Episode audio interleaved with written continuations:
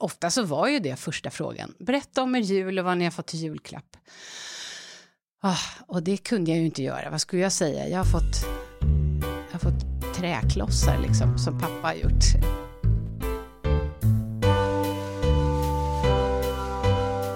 Hej och varmt välkommen till Vit jul, en podcast från Junis som tycker att alla barn har rätt till en rolig och trygg jul fri från alkohol.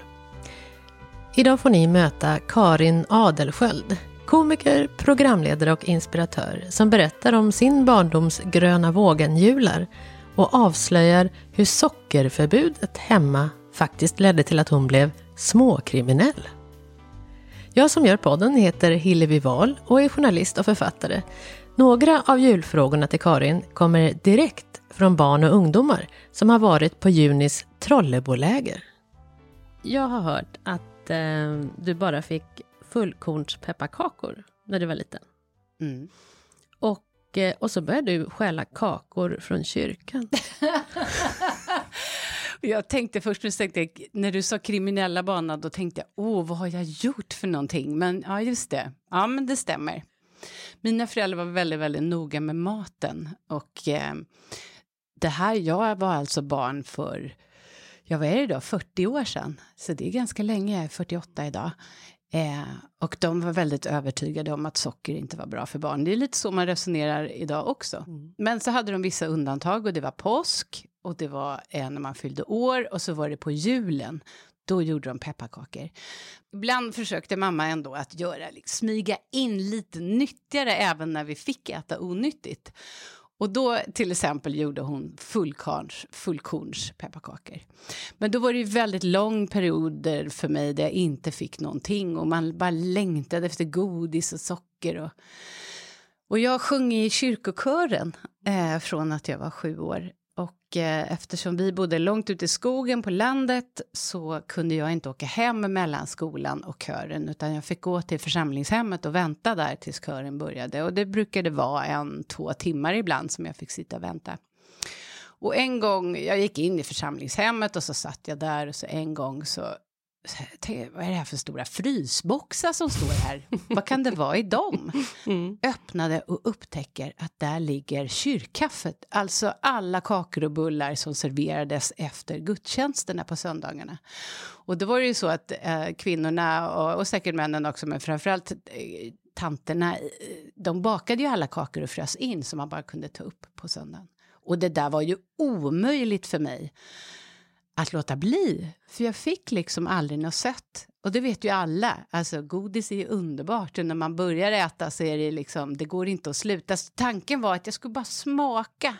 Alltså det var hela frysboxar fulla med kakor. Så Jag smakade en och sen så inte mer. Bara en till. Inte mer. Bara en till. Inte mer. Ja. Så jag åt kanske några kakor första gången. Sen nästa vecka när jag kom sa jag ska bara äta en och så, så det gick inte att sluta. Hur gammal var du då? Ja, men då var jag kanske 8-9 år. Och vad var det här för plats? Det var i Kisa, utanför Kisa, i Tidersrum, Tidersrums kyrka. Så att några, jag vet inte hur länge det höll på, men då blev det att jag liksom, jag satt i skolan och bara längtade efter den här kakorna eh, och kören då. Eh, ingen hemma förstod någonting. Nej, jag får inte missa kören. Det var ju för att jag inte skulle missa kakorna. Mm, så då gick jag från skolan, proppade eh, fickorna fulla med frusna kakor och sen så gick jag runt på kyrkogården och läste på gravarna och åt kakor. Och jag minns de där stunderna som väldigt mysiga. Tills det en dag kom en ganska arg tant till skolan eh, och pratade med min fröken och sa att det har börjat försvinna kakor eh, som vi ska ha till kyrkkaffet. Kan det vara någon på skolan? Hur hade hon kommit på det då? Ja, det börjar ju saknas kakor. Efter några veckor så är det klart att det försvann. Men att de gick just till skolan? Ja, det här var ju pytte, pytteliten by. Det var 27 personer i hela skolan. Och de misstänkte väl att det var någon av eh, barnen. Och det var jag! Och det tog ju hårt alltså, de var så himla upprörda. Och jag hade liksom aldrig kopplat ihop att jag hade faktiskt stulit från kyrkan. Nej. Och faktiskt syndat. Och eh, jag som är troende insåg ju först då att jag har ju gjort något jättehemskt. Jag har ju nästan stulit från Gud. Mm. Så jag bad och bad och jag, jag erkände det aldrig. Nej, de sa, om jag minns fel, att, eh, om jag inte minns fel, att det skulle komma till helvetet. Ja, men de hotade med någonting sånt. Mm. Alltså verkligen, ni vet vad som händer om man stjäl från, från kyrkan. Trodde du det då? att det skulle Ja, det trodde jag. Um, så det var hemskt. Jag bad och bad och, och tänkte att men Gud måste ju förlåta ett barn som inte får kakor. Och jag kände ändå någonstans att Gud gjorde det faktiskt. Jag hittade någon. Men, men det är klart att det har legat där eh, och gnagt lite ibland. Men tänk, hur kunde jag göra det? Men sen så för, ja, vad kan det vara, sex år sedan så fick jag sommarprata i P1. Mm. Eh, och då berättade jag det här faktiskt. För att då berättade jag om min uppväxt, hur det var att växa upp med, under väldigt speciella förhållanden. Alltså som, mina föräldrar var väldigt annorlunda eh, mot alla andras föräldrar där vi bodde. Eh, de var gröna vågare säger man idag, men lite alternativa, lite, vad ska man säga, hippieaktiga.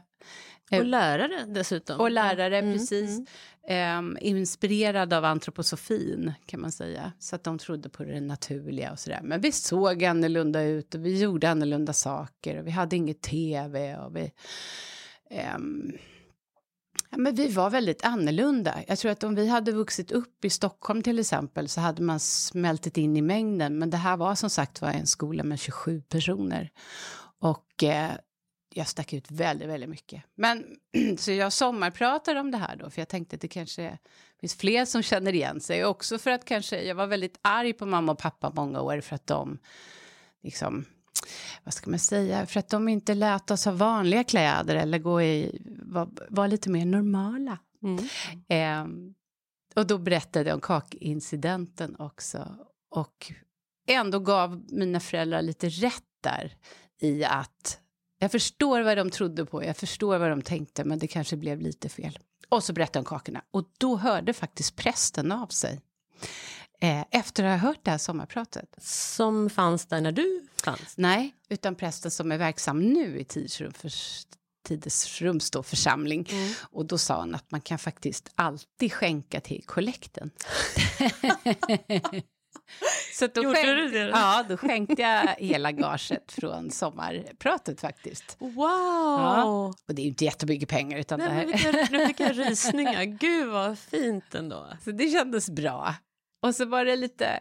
Och samtidigt så, så tänkte jag på den här lilla tjejen som var ensam och gick där i två timmar och väntade och hade massa kakor som hon aldrig fick. Alltså det var ju inte konstigt. Idag kan jag tänka att, att eh, jag kände väl att Gud förlät mig då, men att jag förlät mig nu också när jag, när jag tänker på hur, hur hon var, lilla ja, Karin. Ja, för det är väl ganska mycket det där, just att du var så ensam. Mm. Ensam och eh, fick mycket stryk i skolan, berättar du också. Mm. Vad, det låter så hemskt. Ja. Jag, det, vi såg ju annorlunda ut. Jag hade annorlunda kläder. Eh, mamma och pappa eh, och idag så, så, vet man ju de här sakerna. Att det inte är bra att köpa massa nytt, att det påverkar miljön och så. Men de allra flesta hade liksom inte börjat tänka på det än. Så att bara det här att vi köpte begagnade kläder som man sa då, alltså second hand-kläder, var ju jätte, jätteannorlunda. Jag vet att något barn frågar mig så här, köper ni allting second hand eller begagnat? Ja, nästan. Så här. Även toalettpapper är det begagnat. Och jag visste att det var något med toalettpapper, så jag tror det. Och så blev jag jätteretad för det, att vi hade gammalt använt toalettpapper. Det var ju inte det, det var returpapper, men det mm. liksom visste man inte då. Och så var vi vegetarianer till stor del, åt inte kött och det var också jättekonstigt, alltså på 80-talet. Mm. Då fanns det knappt, man var tvungen att ha eh, intyg från skolsköterskan för att inte få äta kött och det fanns liksom ingen ersättning egentligen. Eh, så att, ibland när jag tänker på det så kan jag förstå att jag var så udda och jag var samtidigt ganska kaxig. Så när någon sa någonting sådär, ja men har ni ingen tv? Så sa jag, ja men det är bara dumhuvuden som tittar på tv. Men det är klart att egentligen så var det väl ett sätt att skydda mig. Så att jag fick mycket, eh, under perioder mycket stryk Eh, blev knuffad, sparkad, slagen, eh, utfrusen, fick aldrig vara med i gäng, fick höra framförallt hur ful jag var. Väldigt, väldigt många år fick jag höra att du är så jävla ful. Förlåt svordomen, jag vet att man inte ska svära, men just den frasen har liksom... Eh, har det satt sig fast? Ja, jättelänge. Så att jag bad till Gud om två saker eh, under många, många år. Det ena var att han skulle förlåta mig för kakstölden. Det andra var så här, gode Gud, gör mig vacker när jag blir äldre. Gör mig vacker, gör mig vacker. Och jag, det har jag tänkt på också, hur så himla ytligt Nej, att men... be att få bli snygg. Men det var just där, du är så himla ful, som hängde kvar i. Och det kan fortfarande ibland komma tillbaka. Alltså det här att, åh vad ful du är, den här inre rösten som egentligen inte är min röst. Men som är, jag tror att när man bygger sin identitet och, och, bygger vem man är så blir man så otroligt påverkad av hur andra ser på en. Om andra då tycker att man är fulast, konstigast, jobbigast, äckligast så hänger det med.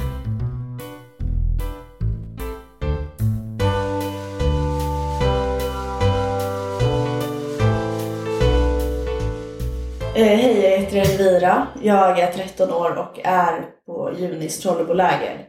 Och jag undrar om, om man mår dåligt, blir det då bättre eller sämre under julen? För mig var det ju alltid värre på julen. Eh, för då kändes det som alla andra mådde så himla bra. Ehm, så jag tyckte det var mycket, mycket jobbigare. Plus att jag alltid känt mig ensam och i julen har jag blivit ännu mer ensam.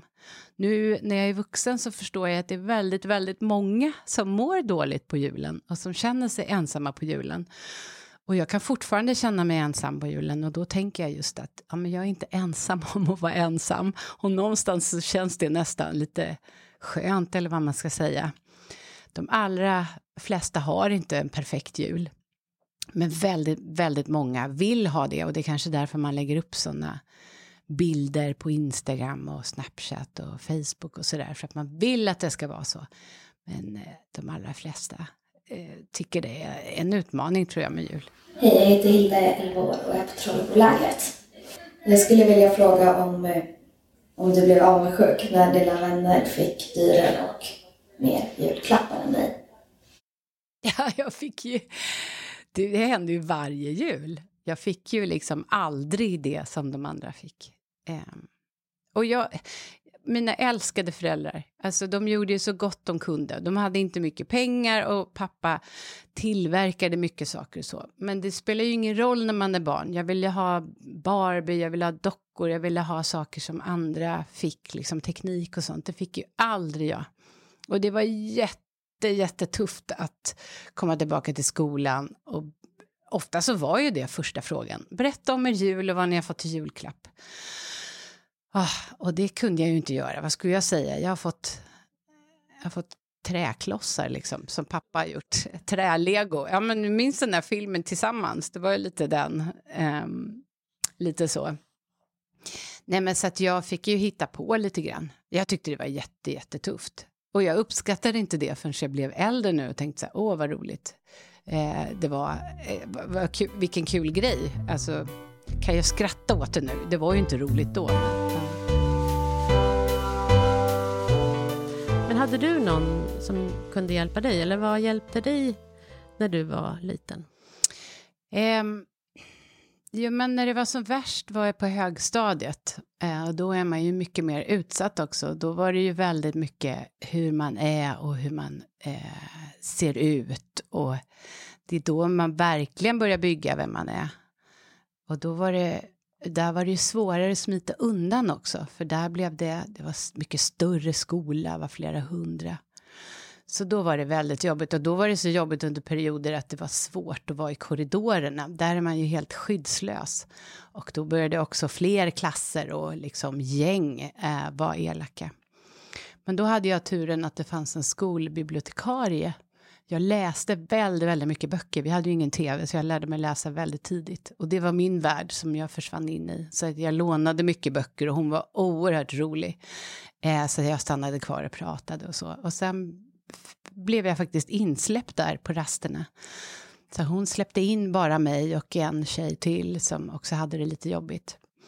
Eh, och då satt vi och skrattade och skämtade och lånade böcker och till sist så började jag ta med mig fika, kommer fikat där igen. och eh, ja, så det var min räddning faktiskt. Ja, hon såg mig, det var ju det. Att bli sedd av en vuxen som säger jag ser att du har det jobbigt. Och, och det är inte du som är jobbig, utan du har det jobbigt. Det var för övrigt det som var starkast för mig när jag fick barn. Jag fick höra ofta att jag var jobbig eh, från olika håll. Och det var ju för att jag var osäker och för att jag eh, ja, var annorlunda tror jag. Men barn är aldrig jobbiga. Barn har det jobbigt. Mm. Och det var så tydligt tyckte jag att den här bibliotekarien hon såg att jag hade det jobbigt. Inte att jag var jobbig. Eh, vilket var otroligt skönt. Ja, för det kan ju bero på så många olika saker. Mm. Alltså barn kan ju ha det jobbigt för att man har det eh, ja, men tufft hemma av ekonomiska skäl eller att eh, föräldrarna dricker eller att de inte mår så bra, föräldrarna, eller att det kanske är något syskon som mår dåligt, eller det kan vara någon som har cancer. Det kan vara så himla mycket som gör att det är tufft hemma för mm. barn. Och egentligen är det inte så jätteviktigt varför. Nej, det är det inte. Och det är väldigt, väldigt många som har det så, tänker jag, att man känner sig annorlunda. Jag hade en väldigt kärleksfull uppväxt och jag hade en stor familj och farmor och farfar väldigt nära. Um, många syskon och, och, en helt egen värld. Vi hade jättemycket djur, vi hade lantbruk under lång tid. Eh, hundar, katter och får och höns och gigantisk skog och vi fick leva fritt där. Eh, och jag hade som sagt var böckerna och så. Men det var liksom krocken med min vänliga, snälla hemmamiljö och den andra miljön som blev jätte, jättestark. Och sen tror jag inte att jag vågade berätta hemma riktigt hur illa det var. För jag skämdes så över att jag inte kunde prestera bättre som barn på något sätt, prestera bättre som ung. Jag ville inte göra mina föräldrar besvikna över att jag var så du hör, på, så jo, men dålig så på att vara barn. Nej, men så är det ju. Jag tänker att många barn vet ju redan att föräldrarna har det tufft av många olika anledningar. Så de vill inte lägga på dem det Nej. också. Så tror jag det Och därför är det så skönt om det är någon utomstående som också kan finnas där mm. för barnen, en, en trygg plats. Då tänker jag just på det här med allt det som Junis gör med sina eh, julaktiviteter och mm. sommarläger. Och, mm. Och jag ska säga också att jag gick i kyrkans ungdom, eh, i miniorerna, eh, juniorerna sen. Och det var, har ju alltid varit en, en eh, plats för att smita undan, att kunna vara. Och, och eh, kyrkans ungdom var ju under högstadiet. Och det var ju jättebra för där var en så tillåtande miljö som var jätteviktig också. Men viktigast var nog att få smita in där hos skolbibliotekarien det tror jag. Jag tycker det är synd att det är så många skolor idag som saknar skolbibliotek. Mm. Och min, eh, min dotter då eh, skulle ju älska att ha ett skolbibliotek. De har ett bibliotek men de får inte vara där för de ska vara ute på rasterna. Mm.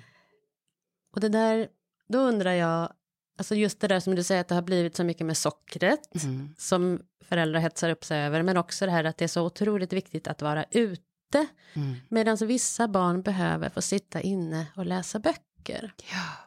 ja, man är verkligen utsatt när man är på en skolgård också. Mm. Det är ju, och oftast är det ju, framförallt på högstadiet, är det ju bara asfalt och det är inte så att man kan hoppa och leka där, utan man måste stå i olika positioner. Jag hade väldigt, väldigt svårt att gå framför folk länge. Därför att jag blev så, jag vågade ju inte handla i kafeterian alls. Eh, för jag vågade inte gå så att folk såg. Så att jag, det blev som... Vad trodde du skulle hända då? Nej men att jag blev retad. Eh, konstiga kläder, konstig gångstil. Eh, och då blev det att jag började tänka på hur jag gick och då började jag gå ännu konstigare. Silly walks. Silly walks, men det var verkligen så. Alltså det var ju, ja, nej det är inte... Ja, tänk vad man höll på. Och jag, och jag mycket av det som jag blev retad för. Att vara annorlunda, att säga konstiga saker, att liksom... Det är ju det som jag jobbar med idag. Alltså det är det som jag har gjort karriär på. att jag har en sån livlig fantasi, Mm. att jag tänker lite annorlunda, att jag har annorlunda erfarenhet. Jag menar nästan all stand-up och alla radioprogram och tv-program när jag skriver manus handlar ju om att jag står utanför lite grann och tittar in. Eh, och jag... Så det är min största styrka idag. Mm. Och tänk om jag hade vetat om det när jag satt där eller gömde mig på skolgården för att inte få stryk. Jag vet inte om det hade hjälpt, men ändå sådär att, att vara annorlunda är ju en fantastisk gåva.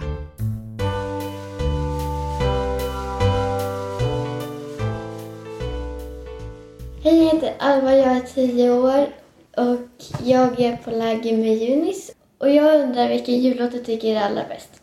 Det är en skämtlåt faktiskt från början. Eh, som är gjort av, gjord av en skämtgrupp som var i Lund när jag pluggade där.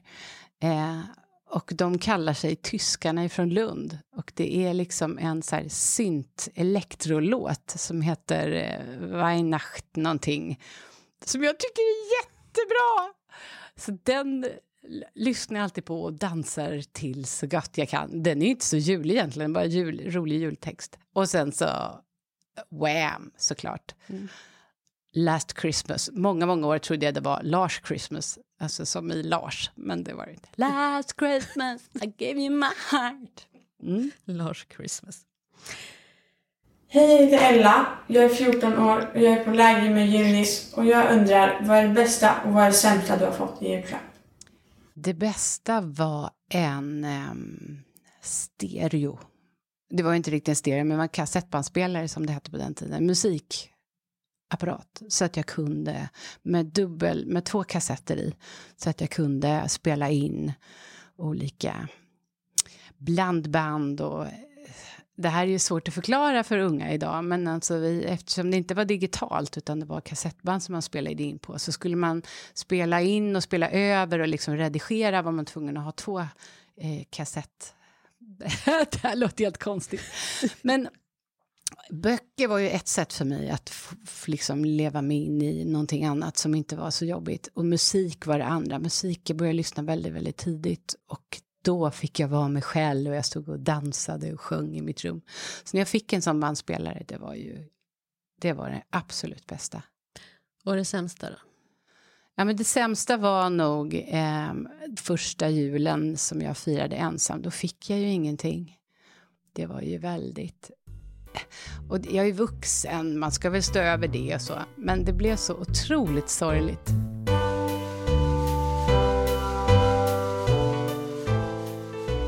Hur många barn har du själv idag? Jag har två barn, Ja, vilken ålder? 16 och 18. Mm, en kille och en tjej. En kille och en tjej. Och det är ju också tufft Ja, men det är det. att vara mamma. Ja, verkligen. Och Men- framförallt tonårsmamma tycker jag. Ja, Och det har Och varit en utmaning för mig att också skilja på vad jag har varit med om och vad de är med om. Att inte bli för rädd. "Åh, har du inga kompisar? Och nej, du är också... Eh, att inte gå igång för mycket.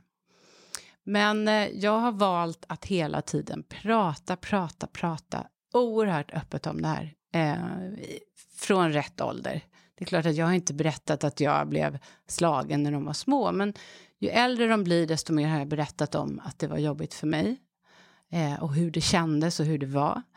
Och vi har pratat om även om de som var dumma.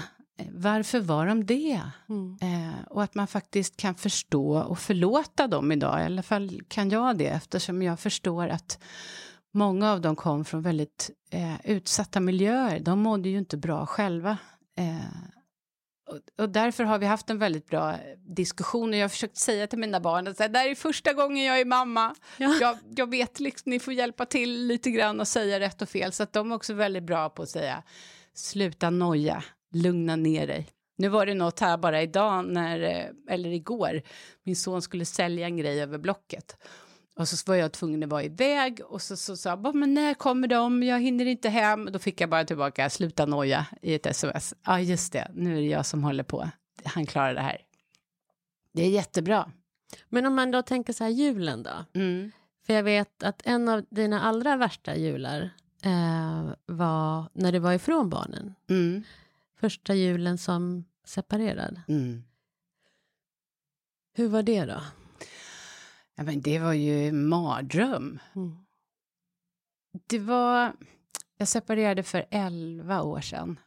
Jag är uppvuxen med jätte, liksom, perfekta jular.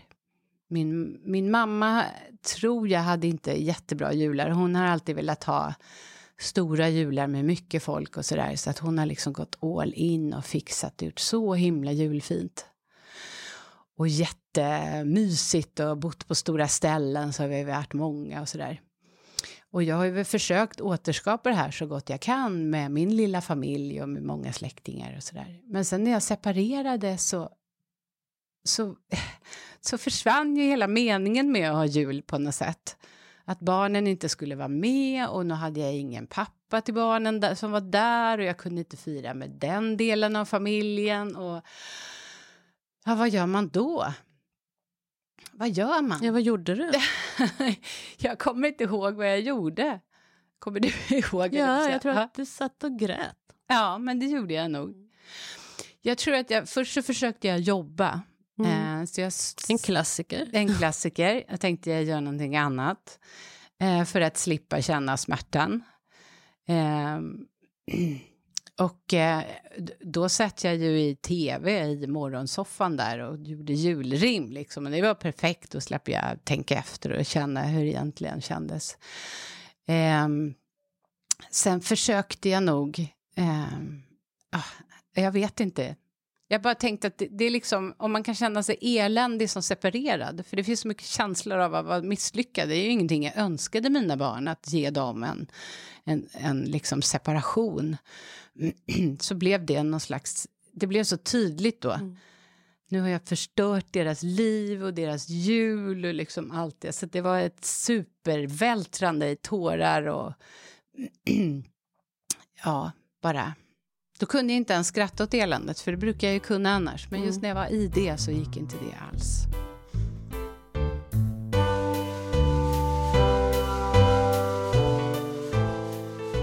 Hej, jag heter Ellen och jag är 14 år och jag är på läger med Junis. Jag undrar om ni hade någon speciell tradition när du var liten och hur du firar jul nu? Ehm, vi hade jättemånga traditioner när jag var liten. Alltså så här att mamma smög upp tidigt och tände julgranen. Det skulle vara vanliga ljus, inte elektriska. Och det var en, en massa olika saker. Det där har inte jag riktigt tagit med mig.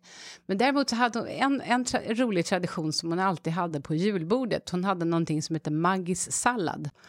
Och Maggie var en kompis till henne som gjorde en sallad av grönkål, grädde och russin. Det här låter jättekonstigt, men det är supergott. Jaha. Ja. Man liksom skär grönkålen, färsk grönkål i små bitar och så blandar man ihop det med grädde och eh, russin. Och det passar till allt. Okej. Så det åt vi alltid. Och sen så har jag fortsatt med det. Och mina barn och bara, Maggi-sallad, alltså kom igen. Vad är det ens? Så att det är bara jag som äter då. Jaha, de tycker inte det är lika Nej, gott. det är ingen som tycker det är gott. Men det är en sån här tradition som jag hade när jag var liten som jag har med mig fortfarande. Hej, jag heter Sofia. Jag är 14 år. Jag är på läger med Junis. Och jag undrar, om man inte gillar julen, hur gör man så att den är bättre? Jag gillar ju inte riktigt julen och det är därför att det har blivit, jag tycker det är fortfarande, det är så mycket, om man inte mår bra och känner sig ensam så blir det ännu värre på julafton. Ehm, så att för mig har det, det bästa varit att hjälpa andra som inte mår bra eh, eller känner sig ensamma. Och det kan vara att ringa någon som jag vet är ensam, en gammal släkting eller någon annan som jag vet, liksom, eller chatta med eller prata med. Det är det absolut bästa. Det är ju helt magiskt där att när man hjälper andra så mår man bättre själv och den andra mår bättre. Mm. Och så försöker jag verkligen tänka på att jag är inte ensam om att vara ensam. Jul är väldigt speciellt. Och sen så får man tänka att julen går snabbt över. ja, men det, det är några dagar och sen så slipper man det ett år.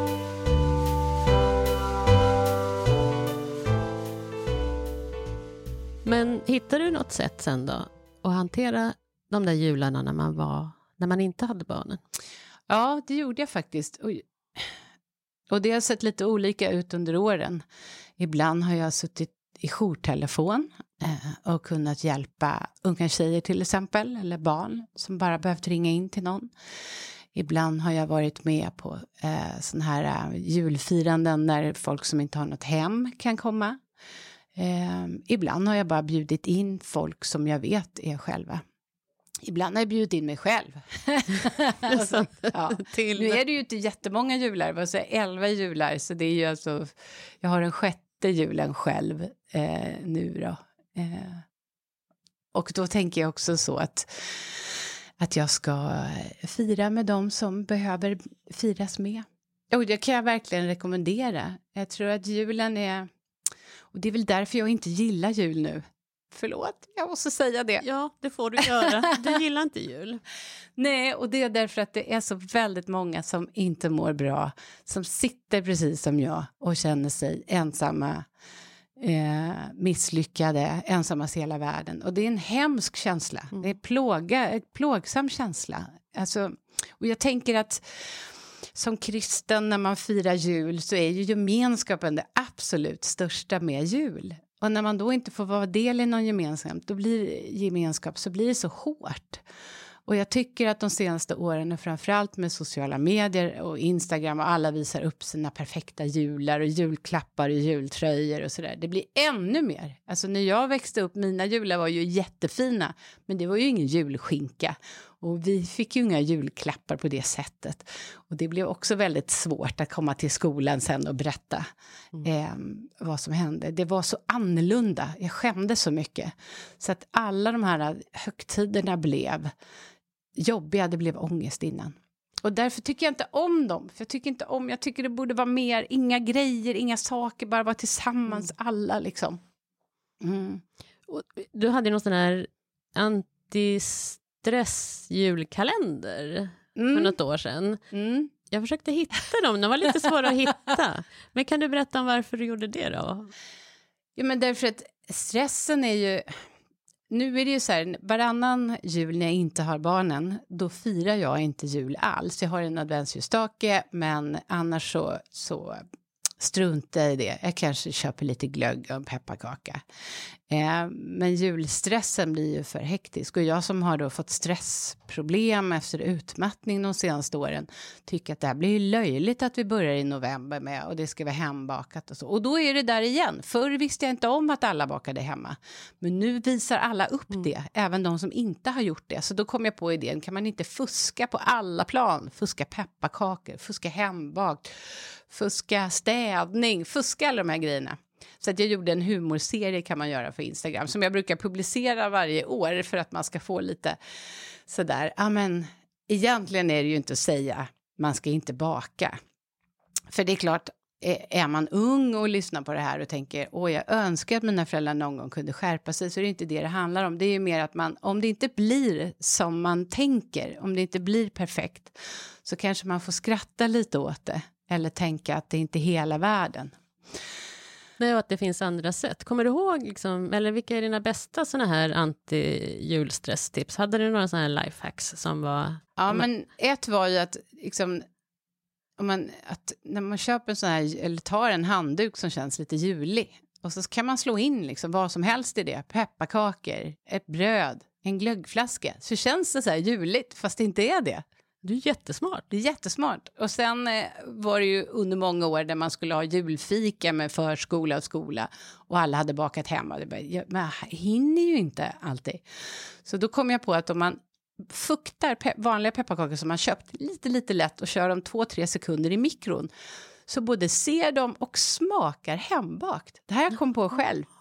Fantastiskt. Det är jättesmart. Ja, och sen eh, eh, att man kan, om man inte hinner städa, liksom, bara samlar ihop dammråttor eller lägger, samlar ihop allt skräp i en hög och lägger en fin julduk över. Med det sagt då, eh, det är klart att man vill ha det fint. Men man behöver kanske...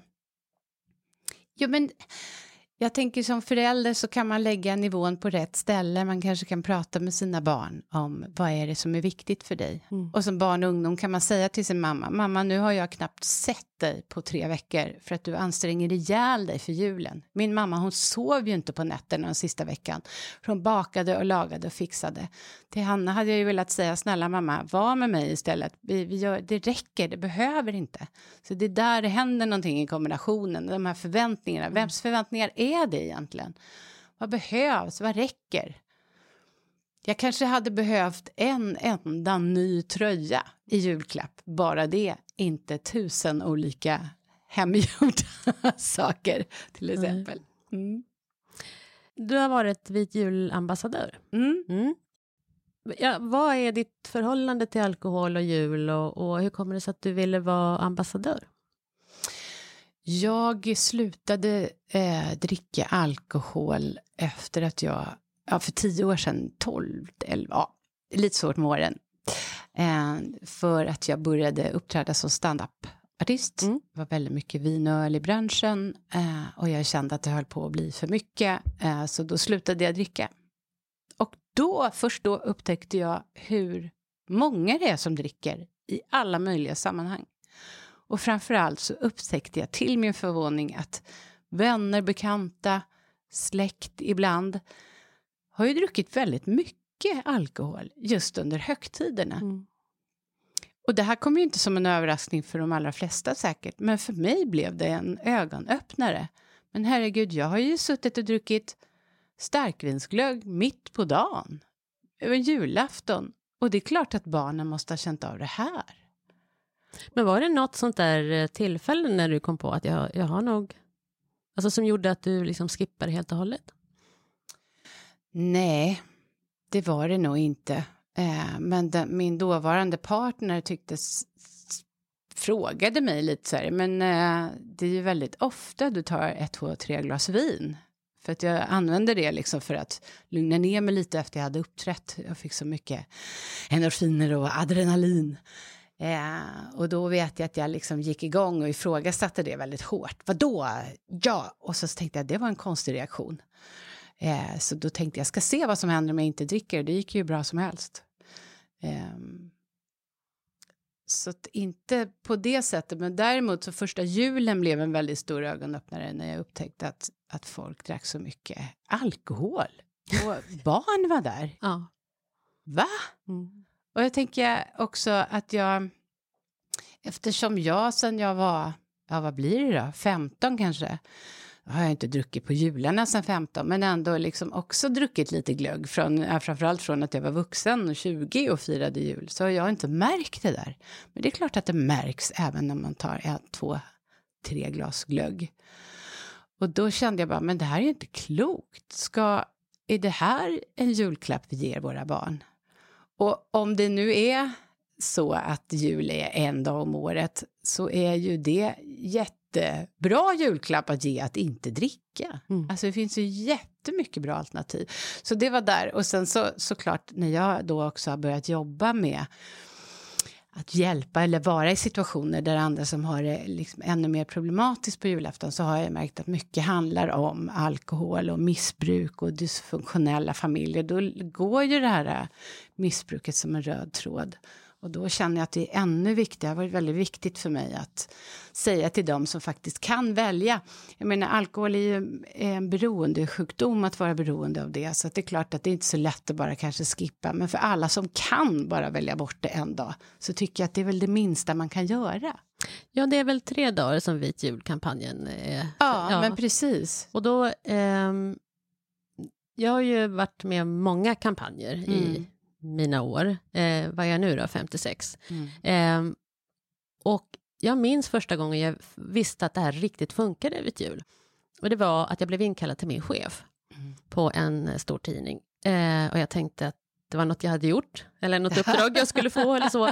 Men då så frågade hon mig, eh, du eh, Hillevi, vi har snart jul i vår släkt, alltså vi brukar fira tillsammans. Och jag, min morbror dricker så mycket. Och jag vet inte hur vi ska hantera det. För att han liksom förstör hela julen. Ska jag inte bjuda honom då? Eller hur ska man göra, Hillevi? Mm. Och då fick jag bara den här idén, så men kan ni inte bara säga att ni har skrivit på för den här vit julkampanjen då? Exakt. Och så säga att eh, utanför vårt hus så får ni göra som ni vill, men just de här dagarna när vi är hemma hos oss så blir det ingen alkohol och så kan han vara med på det, då får han välja själv. Och då gjorde de det. Eh, och hon kom tillbaka och sa att det var den bästa julen vi har haft. Vi har spelat spel och vi har haft, jag visste inte man kunde ha så roligt utan alkohol.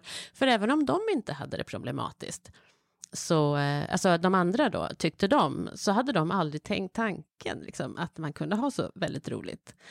Att man orkade så mycket mer. Har du fått höra en, något som har funkat med vit julkampanjen? Ja, men vit jul är ju jättebra. Mm. Och eftersom det också har blivit som en... Alla vet vad, ju, vad det är just nu. Så att nu säger jag bara, vi firar vit jul. Och det är inga konstigheter. Nej. Men för mig var det väldigt viktigt att man inte behöver liksom utveckla det så mycket mer. För att många vuxna har ju inte tänkt på att de dricker eller de dricker för mycket eller att, att det ens påverkar. Och då blir skulden och skammen så stor och då ska man försöka förklara. Ja, vi brukar dricka, men nu varför inte? Ja. Då skiter man i det, så kan man bara säga, men jag är med i vit julkampanjen. Och det kan också vara för att inspirera andra, för att vi, man behöver inte förklara varför. Så det är väldigt, väldigt, väldigt, väldigt bra. Och jag har också en annan kompis som eh, hade problem med sitt eget drickande, men hon var inte beredd att säga det högt, att hon hade inte kommit till den platsen. Och hon använde också vit jul som, eh, att, hon sa, nej men Mm. jag, jag har skrivit på den här vit julkampanjen, och då slapp hon frågorna. Mm. Och så, så kan man ju eh, faktiskt som barn också, om man känner eh, så här, åh, kan inte vi liksom vara solidariska och ha vit jul eller barn och ungdom? Och så kan man ju hänvisa till sidan, man behöver liksom inte säga något mer för att jag tycker eller så, utan så här, det vore ju fräscht. ja, men det är ju det, det är ju fräscht. Vilken har varit din absolut bästa jul? Ja, men det var nog en av de här magiska jularna när jag var liten och firade med min farmor och farfar, alla kusiner. Jag har nästan, ja, mellan fem, jag vet inte ens hur många, mellan 15 och 20 kusiner. Min pappa har fem syskon. Så att de här jätte, jättestora jularna på en stor gård i Östergötland.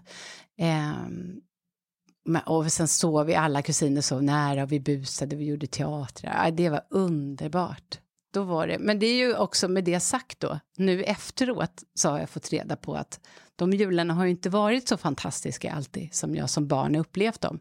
Det har varit, eh, vad ska man säga, komplikationer och dramatik, men det upplevde aldrig jag. Eh, så att jag kan tänka på de här jularna men samtidigt känna att det där var ju en barns liksom, idé om jul som jag kanske har efterhandskonstruerat. Men ändå, det var de jularna, det, den julen. Säg att jag var Eh, säg att jag var då kanske åtta igen där, åtta, nio. Och för övrigt eh, så var det sista gången jag trodde på jultomten. Eh, och det var, jultomten kom alltid på de här jularna. Och jag kunde inte förstå hur vi kunde få honom att komma till just oss, för han skulle till alla, alla barn. Och eh, så, jag var lite för stor för att tro. Jag såg också att de vuxna skrattade lite åt oss barn. Så då, ja, ah, men det är någonting som inte stämmer.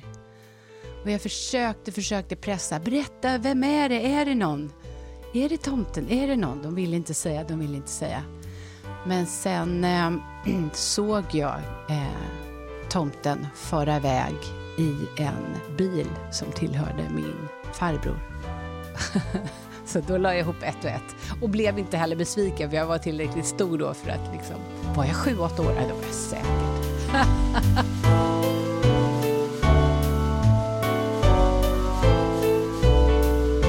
Tack Karin Adelsköld för riktigt bra antistresstips inför julen. Och vill du också ha en rolig och stressfri jul, då är du varmt välkommen till Junis. Junis arrangerar nära 250 trygga och nyktra julaktiviteter för barn och unga i hela landet. Så surfa in på junis.se för att se vad som händer där just du bor. Och ett stort tack till alla er som har lyssnat på Vit jul. Om ni gillade avsnittet så får ni jättegärna dela vidare. Vi hörs snart igen.